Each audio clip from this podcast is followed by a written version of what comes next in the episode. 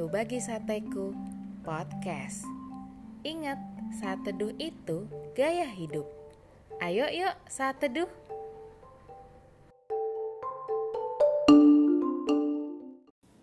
Topik saat teduh kita hari ini adalah Masalah kok datang bertubi-tubi sih?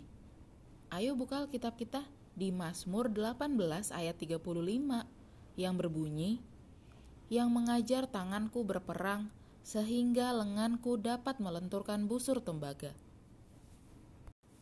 Sahabat sateku, siapa di sini yang pernah ngalamin sakit? Semua dari kita pasti pernah sakit. Tapi tahu nggak?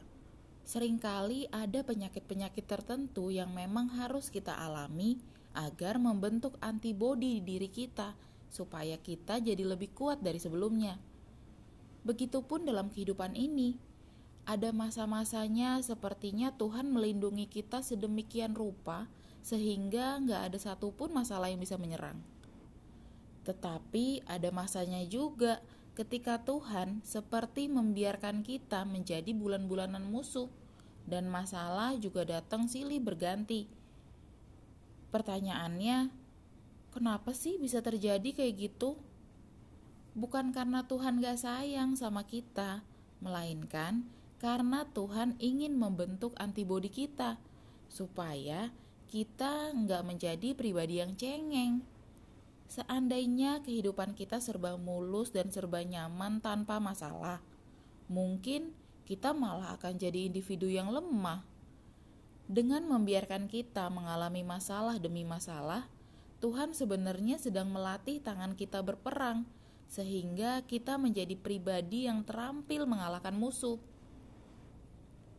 Jika kita mengerti hal ini, ketika masalah datang, kita akan bersuka cita karena itu berarti satu lagi kesempatan untuk melatih diri kita menjadi pribadi yang lebih tangguh.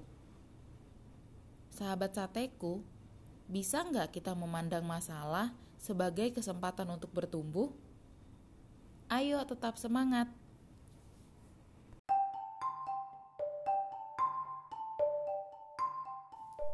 Terima kasih ya sudah saat teduh bersama Bagi Sateku Podcast.